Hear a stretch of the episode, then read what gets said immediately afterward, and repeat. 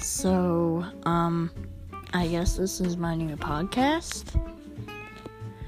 I would do, um, like little chit chats, um, a talking podcast, talking show like that, and, um, maybe some scary readings and all that stuff.